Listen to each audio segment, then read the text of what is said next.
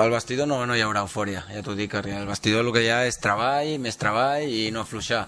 Eh, per tant, mm, estic segur que els jugadors toquen de peus a terra, han vist ja avui lo difícil que és guanyar un partit a primera divisió fora de casa, que ens ha costat 5 per guanyar-ne un, eh, per tant, amb això no us preocupeu. Ara la gent sí, jo vull que la gent, l'afició, eh, estigui molt contenta.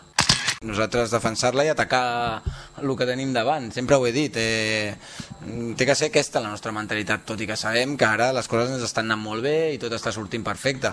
Però bueno, al final, com diuen en castellà, que té qui ten lo bailao, no? Entonces, llavors, pues bueno, eh, la nostra mentalitat sempre serà mirar endavant.